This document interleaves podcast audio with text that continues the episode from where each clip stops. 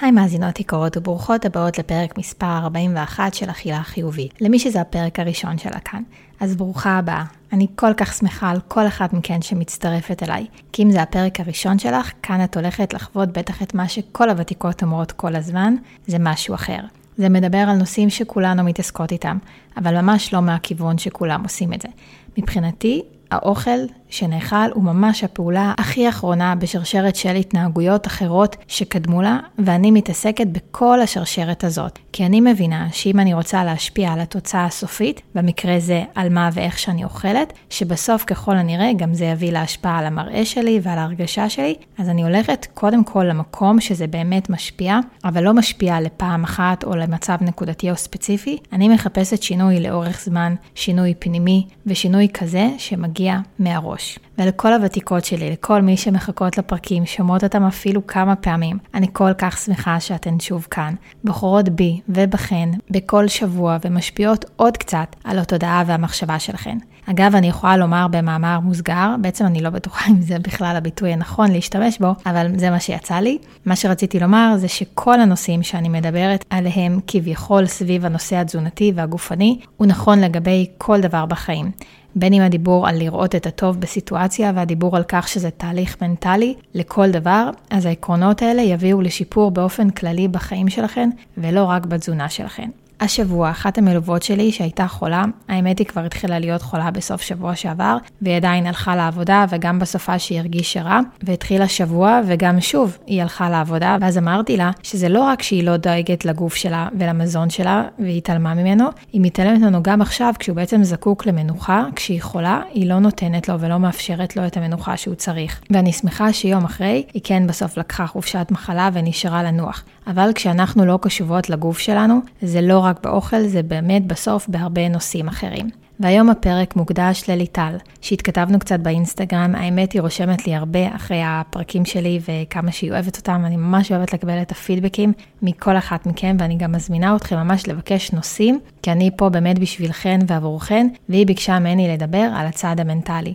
על המחשבות. היא אמרה שהיא חושבת שקל להרגיש את השינויים בגוף, ומה שקשה יותר זה בעצם המחשבות שלנו, ואני מסכימה איתה ב-100%, ואני חושבת שאני מדברת על זה כל הזמן, אבל החלטתי לעשות את הפרק הזה עבורה, ולהעמיק עוד יותר במקום של המחשבות וכמה הן משפיעות על ההתנהגות שלנו. עד סוף הפרק את תביני כמה השפעה יש למחשבות שלך, על ההתנהגות שלך ועל מה ולמה. עד סוף הפרק את תביני כמה השפעה יש למחשבות שלך על ההתנהגות שלך, ולמה אם את רוצה לשנות את ההתנהגות שלך, את צריכה לחפש את הדרך שתשנה את המחשבה שלך ולא את הפעולה עצמה. אבל קודם כל פתיח, ואנחנו מתחילות.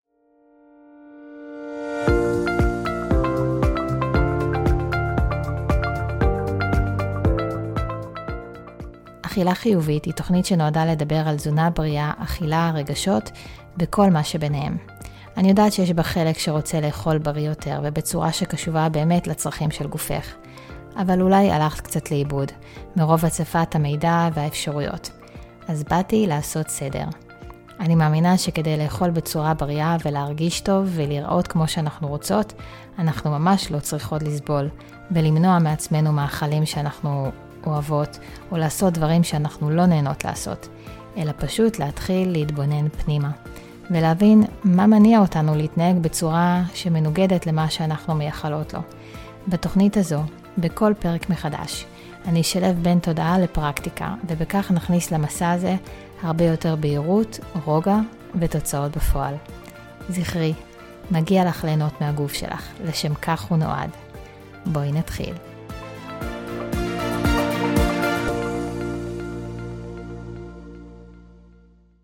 מה שהופך אותנו, למשל, להיות שונות מחיות, או בכלל מכל מיני מינים אחרים שחיים על פני כדור הארץ, אלו בעצם המחשבות שלנו. אני חושבת שזה אפילו ממש בא לרעתנו רוב הזמן, בעוד שכל היצורים האחרים חיים ממש רק בכאן ועכשיו, רק ברגע הזה, אנחנו היום כמעט ולא נמצאות בכלל בתוך הרגע הזה. אנחנו נמצאות ברוב הזמן בעבר שלנו או בעתיד שלנו, בעצם במחשבות על העבר או במחשבות על העתיד, אבל אף אחד מהם הוא לא אמיתי. מה שהיה, היה. מה שיהיה, יהיה. אין לנו באמת שליטה על זה, למרות שנדמה לנו שיש לנו, אבל לא. אין לנו. ועדיין המוח שלנו כל הזמן מתעסק בזה. אנחנו כמעט ולא נוכחות ברגע הזה, כשהחיים שלנו באמת קורים אך ורק ברגע הזה. אין לנו שום דבר חוץ מהרגע הנוכחי הזה. זה כל מה שיש לנו, יש לנו רק את הכאן ועכשיו. וזה הדבר היחיד שאנחנו יכולות להשפיע עליו, זה ממש רק על מה שקורה לנו כרגע, ברגע הזה. נגיד ניקח חיה בטבע, אז היא ברוגע שלה, והיא נכנסת לחרדה או פחד מנמר, רק כשהיא רואה נמר. כשהיא רואה נמר, אז היא מגייסת את כל הגוף שלה בשביל לברוח ולשרוד, אבל ברגע שהסכנה בעצם חלפה, והיא לא רואה יותר את הנמר, היא כבר לא מרגישה מאוימת. היא נרגעת וכל מערכות הגוף שלה נרגעות, והיא כבר לא נמצאת בסטרס. היא לא חיה כל הזמן בסטרס יומיומי על אולי יבוא נמר ויטרוף אותי. היא חיה בשלה, וכשיש אירוע היא מגיבה אליו, וגם אחרי שהיא בעצם ניצלה נגיד מהנמר, היא לא ממשיכה לשחזר את זה שוב ושוב בתוך הראש שלה, את הנמר הזה שרדף אחריה. ברגע שזה חולף, זה חולף. אבל אנחנו, בני אדם, אנחנו נמצאות ברגע הזה. ברגע הזה שבו הכל בסדר, ואנחנו חושבות על הנמר שהיה אתמול, או על הנמר שאולי יכול לבוא מחר, אנחנו סובלות ממש ברגע הזה על דברים שממש כרגע, ממש עכשיו, הם לא קיימים. ככה זה ממש ממש קורה כשאנחנו למשל אוכלות משהו, ואז אנחנו מייסרות את עצמנו אחרי זה, או נגיד אנחנו בתהליך של הפחתה במשקל, ובמקום להיות כרגע, עכשיו, בנוכחות של מה שקורה עכשיו, וכמה שאנחנו מצליחות ונעים לנו בכאן ועכשיו, הראש שלנו כל הזמן משחזר וחושב שוב ושוב על כל הפעמים הקודמות שעשינו דברים, ואיך זה היה פעם, ואיך זה היה מה שהיה, ואיך מה שהיה קשור למה שקורה עכשיו. אנחנו כל הזמן חושבות על העתיד, על מה יהיה, ואיך יהיה, וכמה זמן זה יהיה, ובתוך כל מה שקורה, אנחנו לא מביאות רגע את הביטוי למה שקורה עכשיו, שברגע הזה, ממש עכשיו, הכל טוב. ואם נהיה ברגע הזה, ונצליח להרגיש את ההרגשה הטובה לגמרי שאותה אנחנו חוות, בלי לחזור אחורה ולהתבאס, ובלי לחשוב קדימה ולפחד, אלא להיות ממש אך ורק ברגע הזה.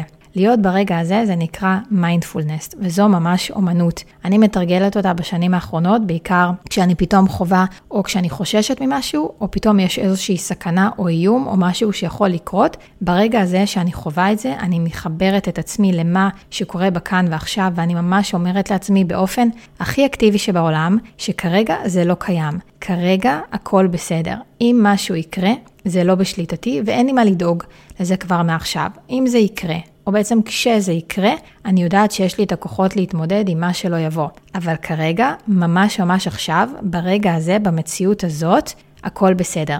וגם כשאני מדברת למשל עם אמא שלי או עם חמתי או חברות והן מודאגות מדברים, אני ממש מחזירה אותן באמת לנקודה שאין לנו שום דבר חוץ ממה שקורה ברגע הזה, וכל הדאגה על מה יכול להיות, א', זה לא בשליטתי. כל הדברים האלה. נגיד, האם תהיה מלחמה, האם כולם יהיו בריאים, האם ההיריון יעבור בצורה טובה, ולא משנה.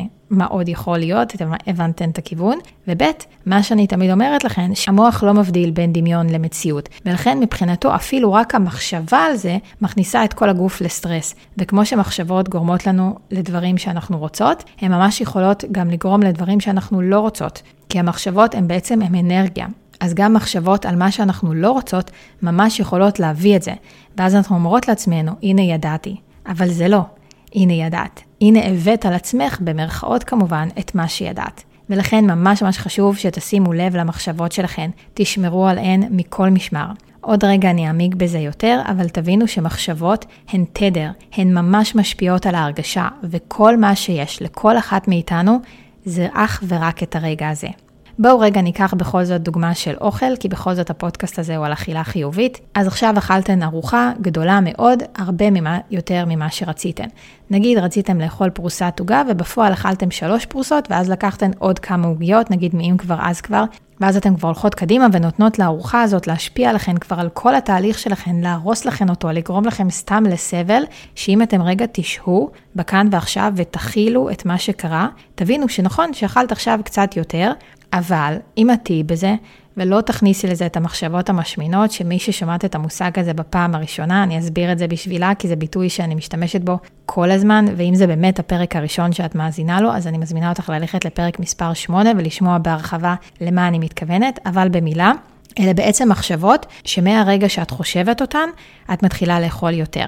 עד הרגע שלא חשבת עליהן, את המחשבות האלה, הכל היה בסדר, ולכן זה אחד הדברים שאני הכי עובדת עליהם בליוויים שלי, גם אם זה האישיים וגם הקבוצתיים, זה על הנקודה הזאת בדיוק. כמה השפעה יש למחשבות שלנו על מה שאנחנו אוכלות, וכמה חשוב שנזהה את המחשבות האלה ונביא להן קונטרה. ואני בהחלט מלמדת את זה כל הזמן איך לעשות את זה, וזה פשוט עובד כל פעם מחדש. אבל חזרה אלינו. אז היינו באכילה של הכמה פורסות עוגה ועוד כמה עוגיות. אם לא ייכנסו לכאן המחשבות, בעצם כמו המחשבות של האם כבר אז כבר, ויקחו אותנו למשל לאכילה כבר של דווקא אני עושה את זה לעצמי, לאכילה לא קשובה. אם אנחנו נסמוך על הגוף הפיזי והחכם שלנו בצורה בלתי רגילה, אם נסמוך עליו ונבין שהוא תמיד רוצה בטובתנו, הוא המכונה הכי חכמה והכי מתוחכמת בעולם. אז המכונה הזאת תדע שאם היא קיבלה עכשיו יותר, היא תדע לאזן את עצמה אחרי זה. אז אם אתן אכלתם את מה שאכלתם, ואתם לא תעשו מזה עכשיו דרמות בראש של ללכת לעבר וללכת לעתיד של מה יהיה עם האכילה הזאת, ואתם תהיו ממש ברגע הזה, אתם תבינו שלא קרה שום דבר, והגוף החכם שלכם יאזן את זה. ומה שבאמת רציתי להכיר לכם בפרק הזה, שאגב, זה חלק שנמצא גם בתוכנית החדשה שלי, שאני הולכת להשיק במוצאי שבת העשירי לשני בשעה 6 בערב, ואם את שומעת את הפרק הזה אחרי התאריך הזה, אז את תוכלי למצוא לינק לקורס גם בתיאור הזה של הפרק. אני ארחיב בכמה מילים על התוכנית הזאת בסוף, אבל תדעו שגם החלק הזה נמצא בה. וזה בעצם מודל מסוים שאני עובדת איתו, והאמת זה מאוד מאוד מוכר, ולכן יכול להיות שהרבה מכם כבר שמעתם עליו, ואולי חלקכן זאת תהיה הפעם הראשונה, וזה בעצם מודל שנקרא מודל אמת. יש לו גם עוד שם שנקרא מודל אפרת, אבל אני אישית יותר מתחברת למודל אמת, כי הוא כזה קצת פשוט יותר, ועדיין מעביר את המסר החשוב הזה באותה המידה.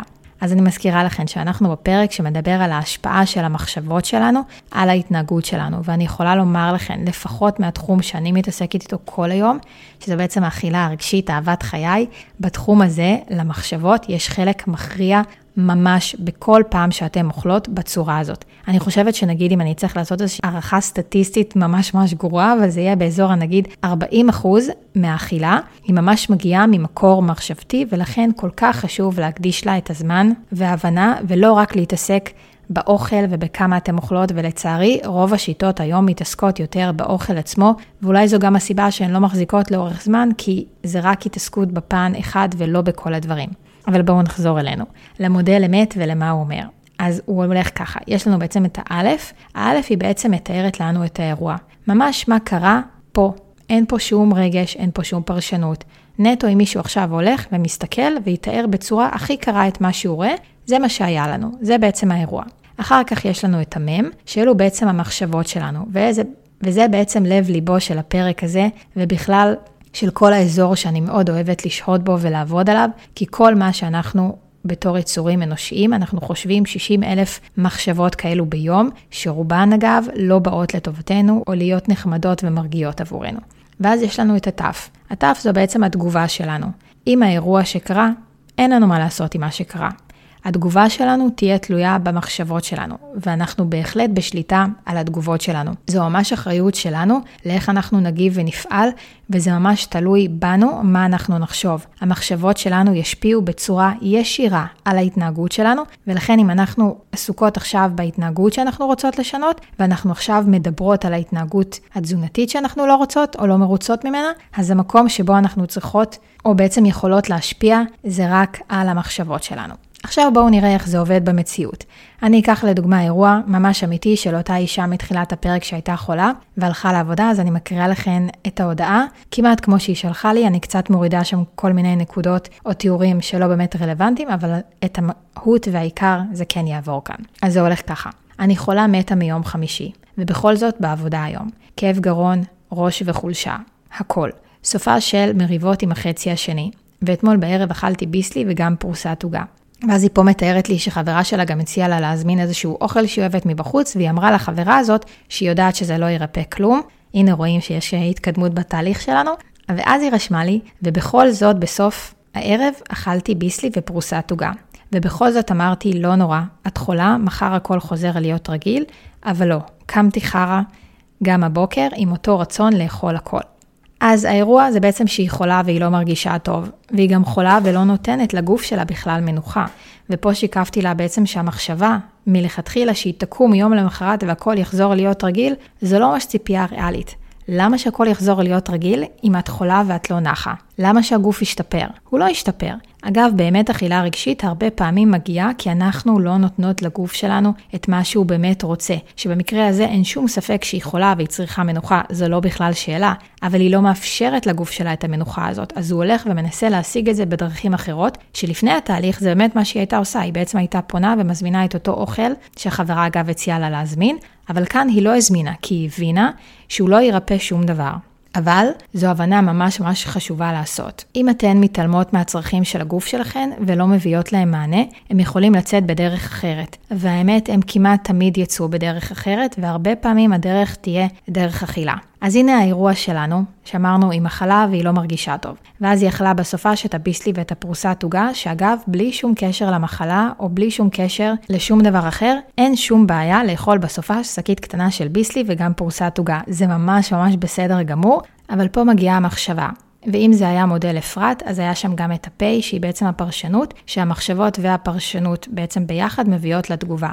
פה היא יכלה ואולי פעם היא הייתה חושבת יאללה, או שהלך היום, או שבאמת היא הייתה מאפשרת להזמין את מה שהיא תמיד מזמינה, אבל פה היא אמרה לעצמה, לא נורא, את חולה, מחר הכל חוזר להיות רגיל. וזו מחשבה שמרגיעה, והיא מביאה לתגובה מסוימת שעוצרת את כל האכילה, ולא ממשיכה את זה לאיזשהו בולמוס. אבל אם המחשבה הייתה אחרת, ולא מחשבה של לא נורא, את חולה, אלא מחשבות של שיפוטיות וביקורת והלקאה עצמית, מה שקורה לנו במרבית המקרים, כי אנחנו מאוד מאוד מתקשות להביא לעצמנו חמלה, אז התגובה הייתה בהתאם.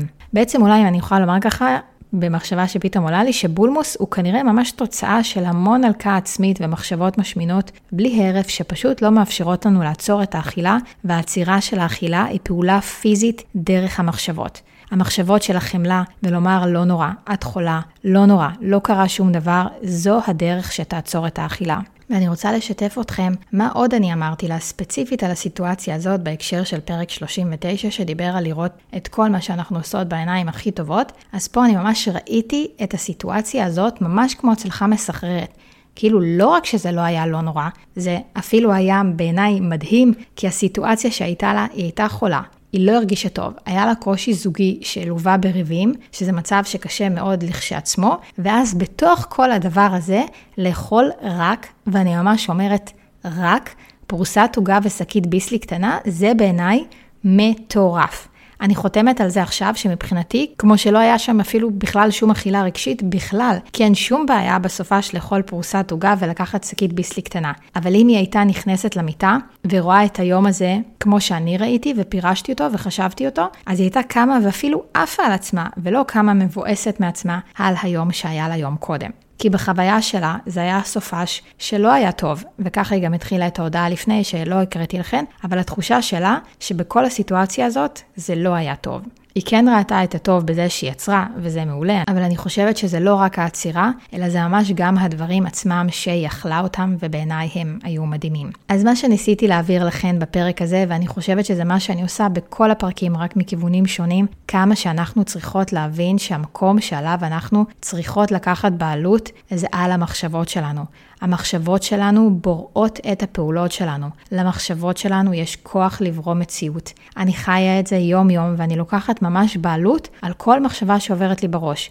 אני יודעת שהמחשבות שלי יובילו לפעולות שלי, ואם אני רוצה שהפעולות שלי יהיו מקדמות, או כמו שאני רוצה, אני יודעת שהמקום שעליו אני צריכה לשמור ולפעול בו הן המחשבות שלי. הכל מתחיל ונגמר שם. עד כאן להפעם. אני מקווה שהפרק הזה עשה לכן עוד קצת סדר, ואני מקווה שאתן מבינות כמה שכל מה שאמרתי כאן הוא לא רק קשור לתזונה, הוא כל כך כל כך הרבה מעבר לאכילה או למשקל אוכל וכל הדברים האלה. הדברים כאן הם דברים שנוגעים לכל דבר וכל אינטראקציה שיש לנו בחיים ועם העולם. תשמרו על המחשבות שלכם, תנסו להיות כמה שיותר ברגע הזה, בכאן ועכשיו, כי בסופו של דבר זה באמת הדבר היחיד שיש לנו. לפעמים אנחנו מפספסות את כל החיים בחשיבה על מה היה או מה יהיה, ואנחנו לא נמצאות וחוות את הדבר היחיד שבאמת יש לנו, וזה את הרגע הזה. אז אני חיה את הרגע הזה, וברגע הזה אני רוצה לשתף אתכם כמה אני מתרגשת מיום שבת שקרב ובא. הלוואי והייתי יכולה לתאר לכם כמה שעות של עבודה הוכנסו בתוך הדבר הזה שנקרא קורס חופשייה מאכילה רגשית. הכנסתי וזיקקתי לתוכו את כל הדברים הכי פרקטיים ואת מרבית הניסיון שלי בתחום האכילה הרגשית, ודרך הקורס הזה אני מבטיחה לכם שאחרי שתצפו בו, הוא ישנה את כל צורת ההסתכלות והחשיבה שלכם לגבי האכילה. הוא יביא לכם לתחושה של שקט ויעזור לכם להרגיש שלווה, וגם הוא מאוד מאוד מאוד פרקטי. יש בו המון סיטואציות שכל אחת תוכל לזהות איפה היא, ולכל סיטואציה איזה פתרון אני ממליצה. זה קורס הוליסטי ומקיף שמביא את שלושת הכיוונים שאני זיהיתי שמובילים לאכילה רגשית. זה בעצם כיוונים של סיבות מחשבתיות, כמו כמו שדיברנו כאן, סיבות פיזיולוגיות וסיבות רגשיות. הקורס הזה יהיה למשך שבוע במחיר השקה מטורף, שלא יחזור על עצמו, 179 שקלים בלבד, שתוכלו גם לשלם עד שני תשלומים. הכי ניסיתי לבוא לקראת, כי אני באמת רוצה שכל אחת תצפה בתוכן הזה. ואחרי השבוע הזה, המחיר יעלה ל-297 שקלים, שגם זה מחיר שבעיניי הוא סופר משתלם לתמורה, ומה שיקרה לכל אחת אחרי שהיא תצפה בזה. אני מדמיינת איך אתן צופות בקורס הזה, ואת כל ההודעות שאתן שולחות לי אחרי זה, וכמה שאתן אומרות שזה עזר לכן ושינה לכן את כי ככה אני מרגישה לגביו. אז זהו, אני חוזרת לילד החולה שלי שנמצא כאן בבית, אני לא יודעת אם שמעתי מדי פעם את השיעולים שלו, אני מאוד מאוד מקווה שלא. זה לא היה פשוט לגרום לו להיות בשקט בזמן שאני מקליטה את הפרק. תודה לכל אחת מכן שמאזינה לי, ולכל הפרגונים שאתם שולחות לי כל יום. תודה רבה רבה רבה. אני אוהבת אתכן, ואנחנו נשתמע בשבוע הבא. ביי!